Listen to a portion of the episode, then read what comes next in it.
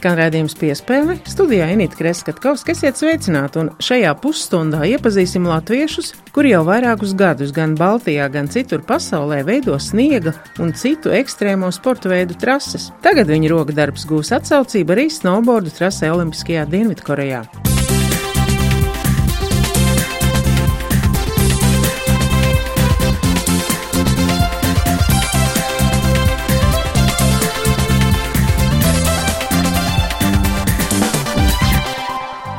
Pagājušajā gadā Dienvidkorejā Jāņa Jansona vadībā latvieši būvēja pasaules kausa trasi, un tā bija kā testa pasākums Olimpiskajām spēlēm. Pjončkanas Olimpiskajās spēlēs ar bobsleja tehniskā centra Rīgā ražoto tehniku startē teju 20 ekipāžas. Turklāt kanādieša Justina Kripsa divnieks pirmo reizi ar latviešu bobu izcīnīja olimpisko zeltu. Saruna ar sporta žurnālistu Māri Zembergu, kas pats sācis sportista karjeru kā bobslejists, arī piespēles turpinājumā. Olimpisko spēļu laikā man prieks pieteikt studijā ir sporta žurnālists Māris Zembergs. Sveiks, Māri! Uh, labrīt!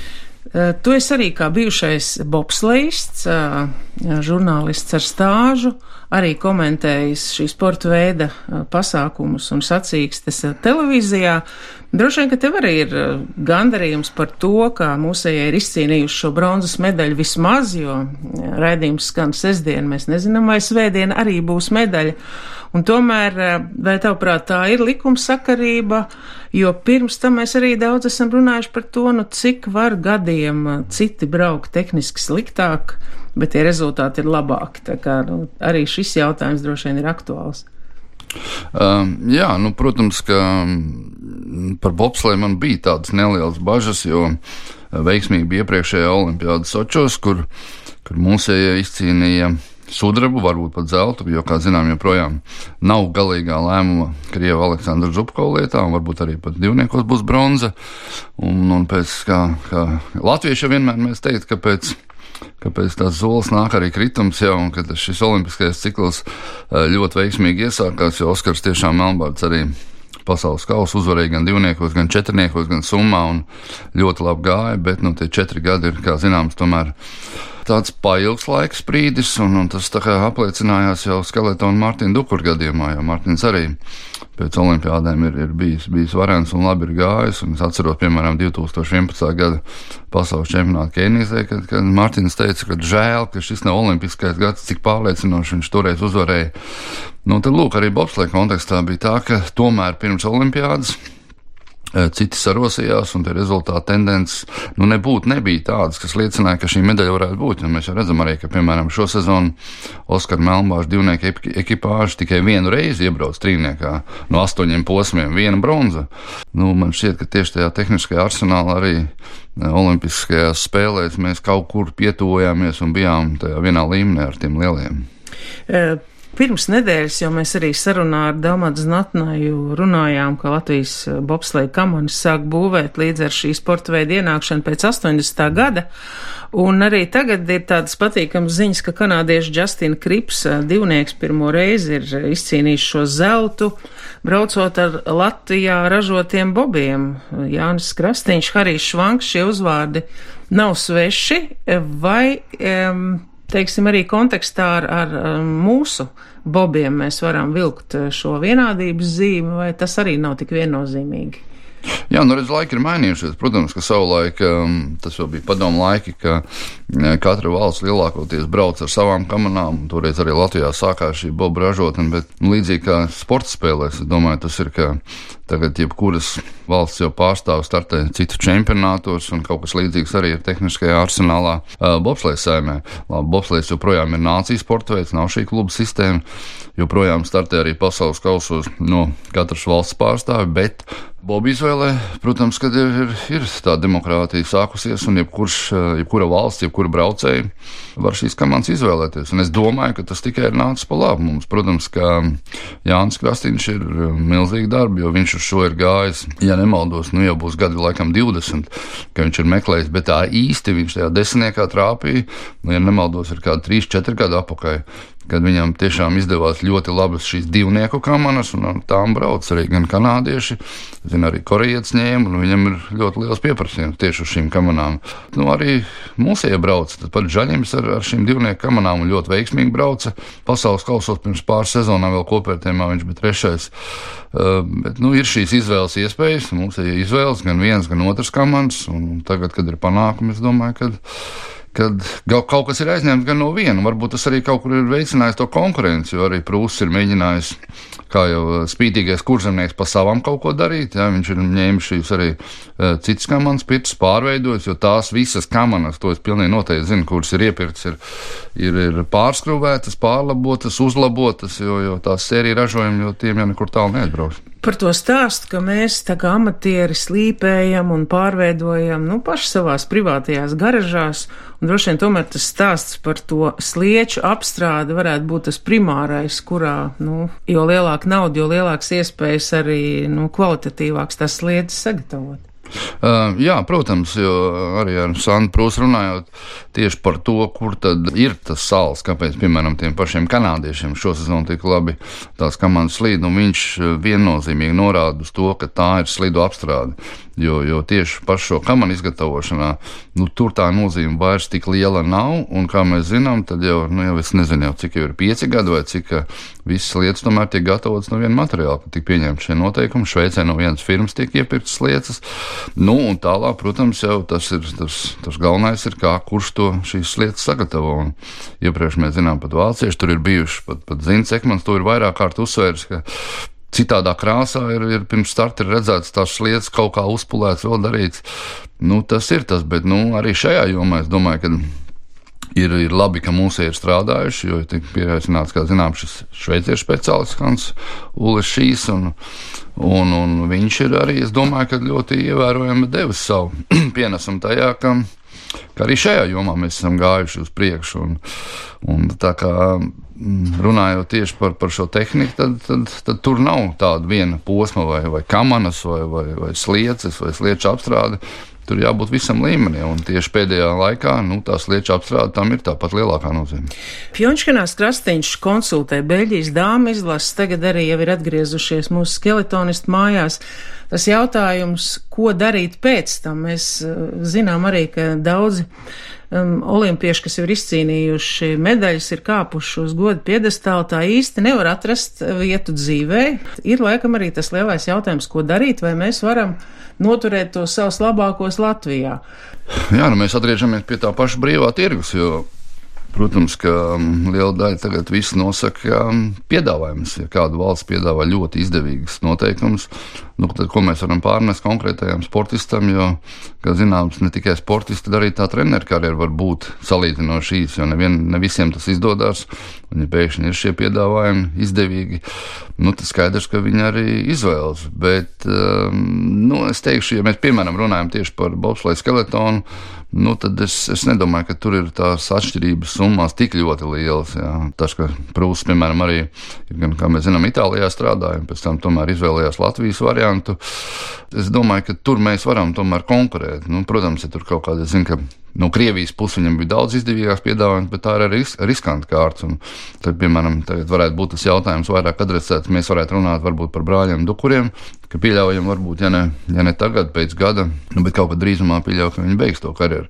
Un es par to es arī runāju, gan prasīju, gan Mārtiņam, gan Tomasam, kādi jums ir tie varianti. Jo zinām, ka, piemēram, Tomas ir beidzis banka augstskolu, ka viņš varētu tur darboties. Mārtiņš ļoti, ļoti lielu varbūtību pieļāva, ka viņš tiešām strādās, paliks skeletonā, būs treneris, un ka viņš varētu darboties. Vai tu uzskati to par tādu komunikācijas, tādu ķibeli vai fēleri?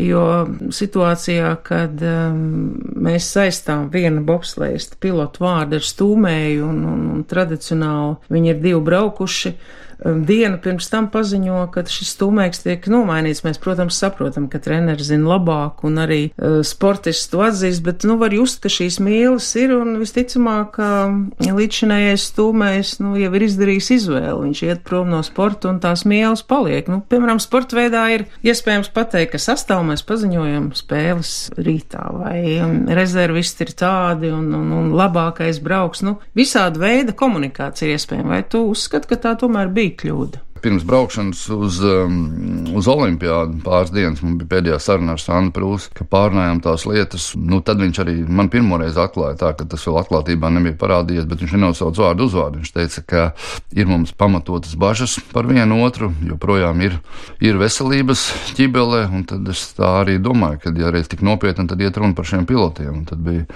tagad arī Oskars Melnbārds atklājis, ka viņam bija tās kājas savienojums tieši pirms pašas olimpiādas, bet es domāju, redz, ka tas bija ļoti arī cieši saistīts ar šo tomē izvēli, jo ja Oskars Melnbārds būtu bijis labākajā kondīcijā, varbūt, tāda rokāda arī nebūtu sekujusi. Runa ir par to, ka varēja paziņot, ka šobrīd pēc treniņu braucieniem labāks ir tas, viņš arī brauks, nu nevis, eh, cik es saprotu, arī pašam Drēškanam tas bija pārsteigums, jo, ja tu trenējies kopā un, un, un, un jūti, ka tu esi varbūt nedaudz vājāks par citu, tad tas būtu it kā normāli, bet varbūt tas tā emocionāli nebija īsti pareizi. Nē, nu es domāju, to jautājumu tiešām ir jājautā pašiem tiem uz vietas, kas bija bobslēg treneriem, jo viņi labāk atbildēs, kāpēc tas lēmums tika pieņemts pēdējā brīdī, es pieļauju, ka tur ir bijušas kādas nianses, jo varbūt, ka tika cerēts, ka, nu, ir kaut kāds neliels, varbūt, kritums daumatam fiziskajā kondīcijā, un ka pēdējā brīdī tā kondīcija uzlabosies, un, un atcīm, varbūt, tas tā nenotika, bet es saku, tie ir visi tādi pieņēmumi, tad uz to noteikti var atbildēt tikai viņi paši, bet es, es pilnīgi zinu, arī to, ka es esmu nu, iepriekšējās sezonas un, un, un vairāk kārt runājis ar, ar Sandi par, par stūmējiem, par pilotiem, par vienu, par otru, trešo.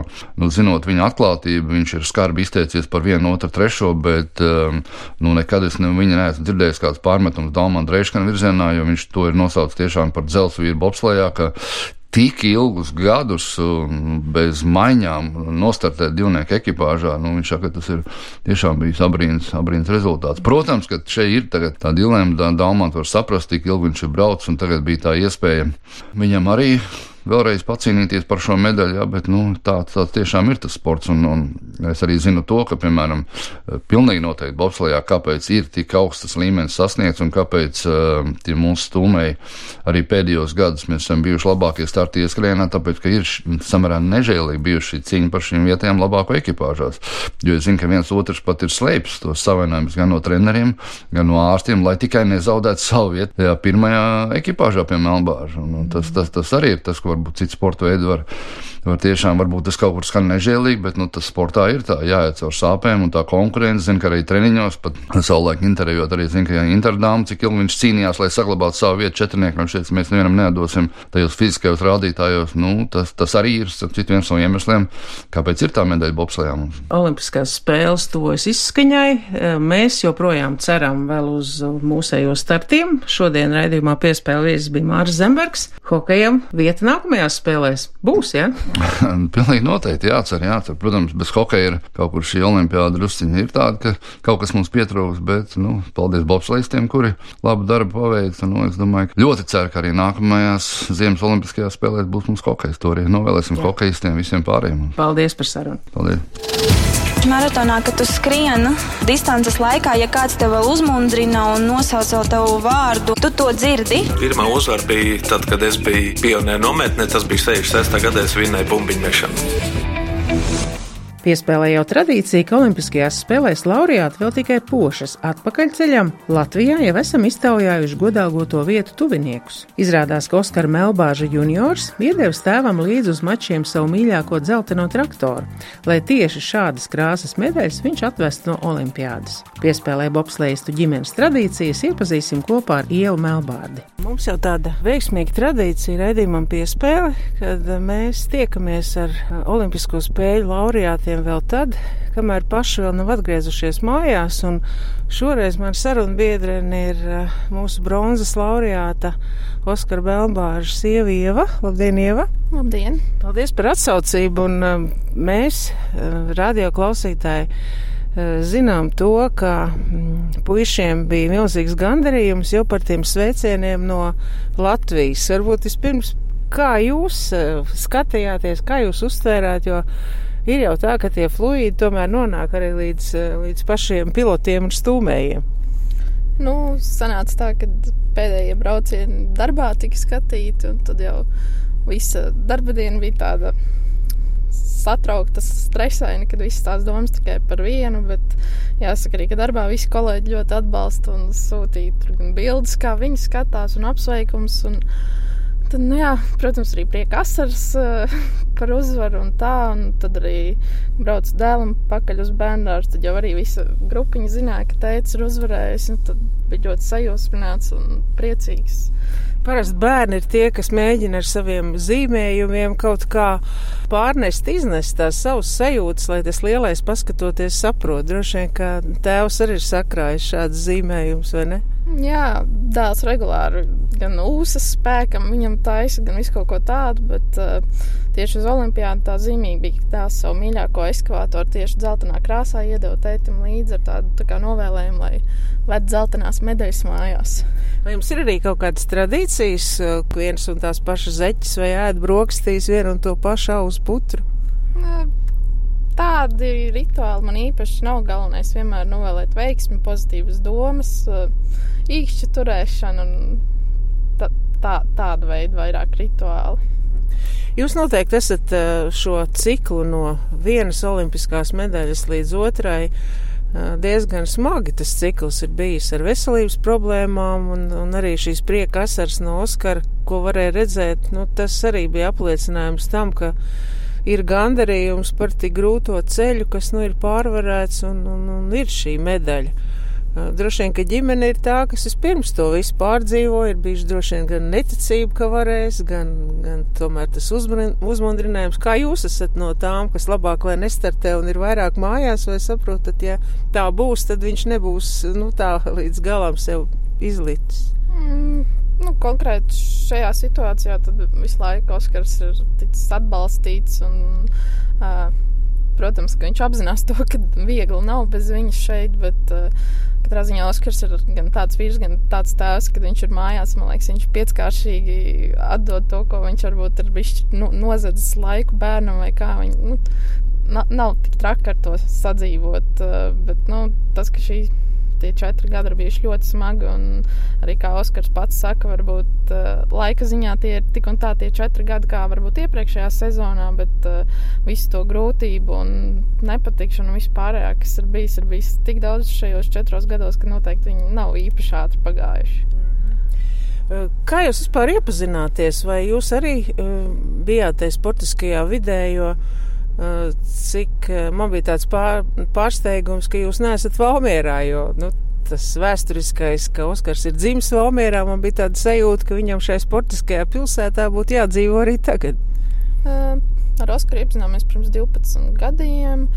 Un, um, viņš man brālēns mācījās sporta gimnāzijā, un tad Oskars ar viņu bija klases biedri. Tad uh, brālēns dzimšanas dienā iepazināmies. Tā arī kopš tā laika. Esam kopā. Mhm.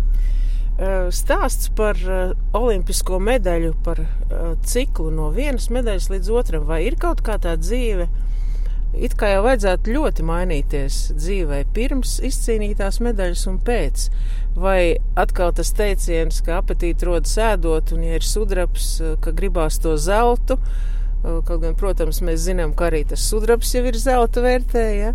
Nu, teiksim, vērtējot, vai Oskars tur ir mainījies vai kā, tad noteikti nē, jo nu, viņš vispār nav tendēts tur uz kaut kādām nezinu, zvaigžņu slimībām vai kaut ko tādu, tad tā tīri cilvēciskā līmenī viņš absolūti nav mainījies. Bet uh, es domāju, ka tā sudraba medaļa viņam vairāk ir devusi tādu tā kā, ticību, ka viņš to var un pašpārliecinātību un kā, motivāciju arī iet un mēģināt dabūt to zeltu. Jo, ja Sočos nebūtu medaļa izcīnīta, iespējams, jau viņš vairs neturpinātu to ciklu, kad viņam nebūtu tā ticība, ka viņš var.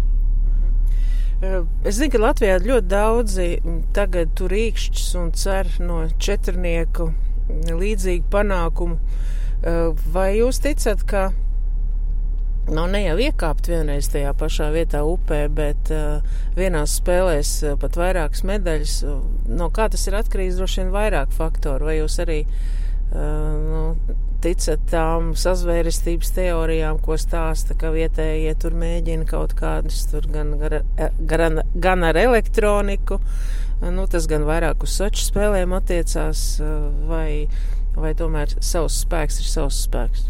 Mm, es cenšos savu galvu ar tādām domām lieki nenodarbināt. Uh, Tāpat tie ir faktori, ko ietekmēt nevar. Un, ja kāds to dara, lai dara, es domāju, vairāk jāfokusēs uz to, kā atbalstīt Oskaru. Un arī viņam pašam, nu, viņš pats vienmēr ir teicis, ka atkarīgs viss ir no tā, ko es pats izdarīšu. Un, ja pats izdara, tad attiecīgi arī ir panākums. Bet, uh, ja kaut kas nav izdarīts, tad es domāju, jāvaino ir sevi, nevis uh, jāmeklē kaut kādas teorijas, sazvērstības. Jo, nu, ja kāds kaut ko dara, tas ir uz viņa sirdsapziņas, bet uh, tērēt savu laiku un enerģiju tam nedomāju, ka tas ir tā vērts. Cik lielā mērā jūs kontaktējaties un cik lielā mērā treneris Prūss arī atļauj? Jo es zinu, ka viņš arī stāstīja, nu, kā aizvedīs tagad visus uz Ventspilu, lai tur radinieki nav tuvumā un nav domas kaut kur citur. Vai ir kaut kādas arī tās nepieciešamās saziņas, vai tur kāda izziņa pirms, vai nu kā notiek tas, vai, vai jūs vienkārši stabili zinat, ka ar viņu ir labi, viņš koncentrējās? Mm, kontaktējamies mēs katru dienu, un attiecībā uz Santu. Tad, uh, nezinu, varbūt pašā attiecību sākumā, kad vēl viņam varbūt nebija tā pārliecība, ka tur kaut kādas nopietnas attiecības vai kā tad bija diezgan nu, tā jūtama tā robeža, ka darbs ir darbs un privātā dzīve ir privātā dzīve. Bet tagad, kad uh, gan arī visiem puišiem ir sievas un bērni, tad uh, viņš pats arī teiksim, aicina un rada iespējas, lai tajos īsajos brītiņos, kad puiši ir mājās, lai var satikties gan ar sievu, gan ar bērniem, teiksim, arī puiši bija Ventspēlī sievas, kam bija iespējas, tad nu, devāmies ciemos pie viņiem, jo viņi tiešām ļoti, ļoti īsi laiki bija mājās, lai redz kaut bišķīt, kā tie bērni izaug un sievas attiek. Tā kā nu, no sandu puses ne, nevar teikt, ka ir kaut kādi baigie ierobežojumi. Un es domāju, ka sievas pašas arī saprot, ko vīriem teikt, ko neteikt, lai liek tur neuztrauktu, kā viņus uzmundrināt. Un savā ziņā arī es domāju, ka katra vīra sieva ir psihologs, jo, nu, Nav jau noslēpums, ka sezonas laikā arī ir smagi brīži, kad uh, varbūt ir kaut kādas lietas, ko komandas biedriem tur negribās džekiem stāstīt, bet nu, ar sievu varbūt kaut ko pārunā, padalās. Un visbeidzot, uh, vēlam veiksim mūsu bobslēgstiem, uh, mums visiem ticību. Un droši vien, ka ir kaut kas, kā jūs sagaidat, vai tā ir pašcepta torte, vai tas ir karbonāde, vai rosols, vai tās lietas, ko vīrs atbraucot mājās, zina, ka sieva noteikti gaidīs ar kādu našķi. Droši vien tas, kas Oskaras vairāk iepriecina ar saldumu, bet jāsaka, mūsu ģimenē pavārs ir Oskars, kurš vairāk gatavo, kam labāk sanāk. Tad, man liekas, viņš vairāk gaida to, ka viņš pats varēs piestāties pie grila un kādu steiku uzcept, nevis to, ko sieva sagatavos.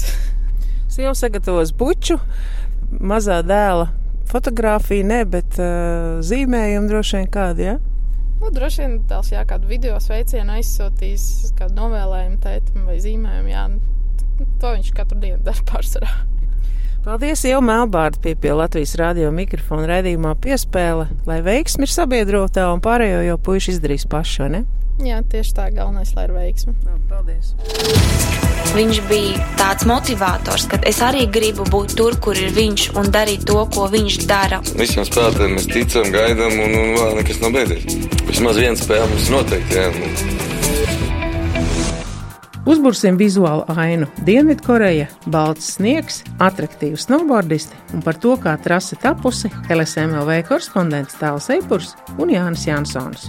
Radio mēs nevaram parādīt, bet mēs varam izstāstīt. Tas varbūt to sapņu pasauli uztaisīs vēl, vēl jaukāku. Tev rokās ir telefons, bet mēs stāvam šobrīd pie sestās platformas nosēdiena. Jā, varētu teikt, pat neko, jo viss tā lielākā māksla ir augšā 600 metru garumā. Ja mēs te pārējām uz sāniem, mēs kaut ko varbūt ieraugam. Ja? Mēs varam pāriet, jā, varam mēģināt. Dēl var ņemt līdzi droši. Es, Ah, būs kārtībā. Jo Jānis, es uzreiz saku, pārvietojas dēļ droši vien šeit pat rasa vismaz tajā virzienā, kas ir uz leju. Ja? Taisnība, jā, pacēlāja augšā un dēļ brīvi, brīvi slīžam lejā. Citādāk nevar. Nu, vēl ir dažādas mums te ir sniega traktori, sniega moči. Tas neliels ievadiņš, tūlīt mēs ieraudzīsim vienu daļu, lielāku daļu varbūt nekā no iepriekšējās vietas trasi.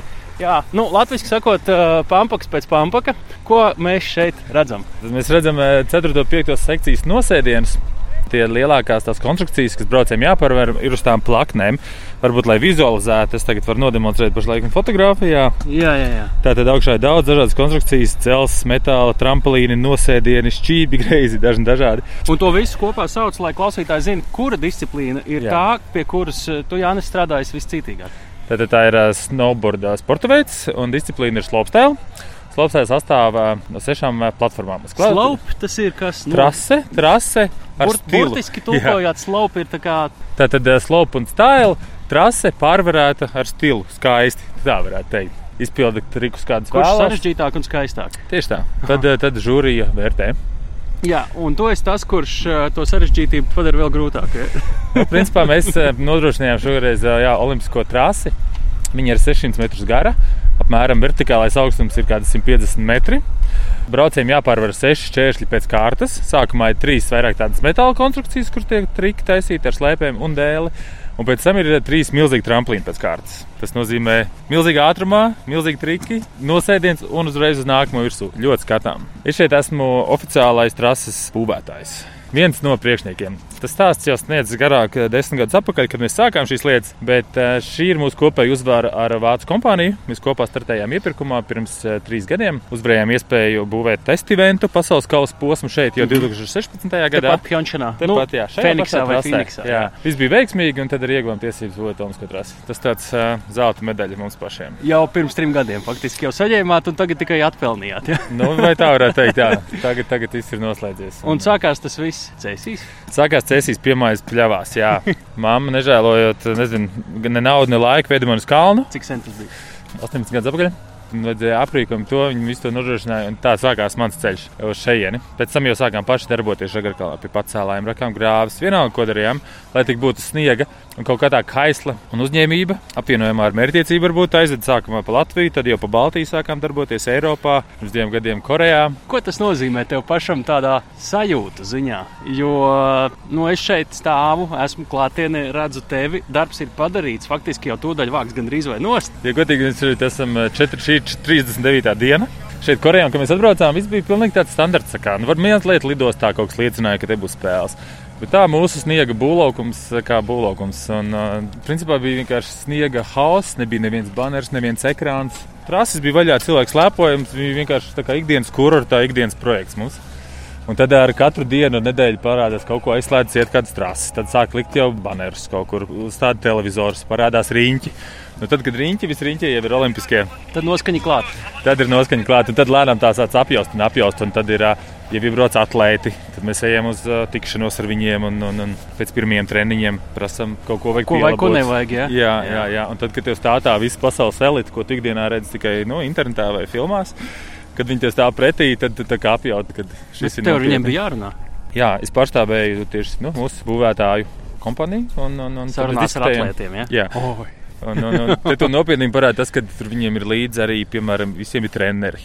Kādam ir menedžers, kādam ir turpat fotogrāfs līdzi, kādam pat ir ā, masieri līdzi. Nu, tas, tas nav vairs tāds jokliet, kā tas bija, kad mēs sākām braukt. Vai Klau, no kā sastāv labs kalns, labs šis uh, uzbrauciens un nosēdiens? uh, Kas tur zem tā sniega ir apakšā? Katra tā platforma ir, varētu teikt, cik apmēram 40 metrus augsta, un apakšā ir paslēpts zemes pamatrēliefs. Uh, Vienkārši grāns, ja kaut kas Principā, tāds. jā, mm -hmm. jā, tas, kas no viņiem uz vietas ir tāds klinšains, gan tas reālais Un To, to, to ar saviem kopā pateicis, kā tad viņu šķūrēt, lai pa virsmu pēc tam uzklātu sniegu. Ja? To gan patiesībā tas jau bija izbūvēts jau pirms 2015. gada.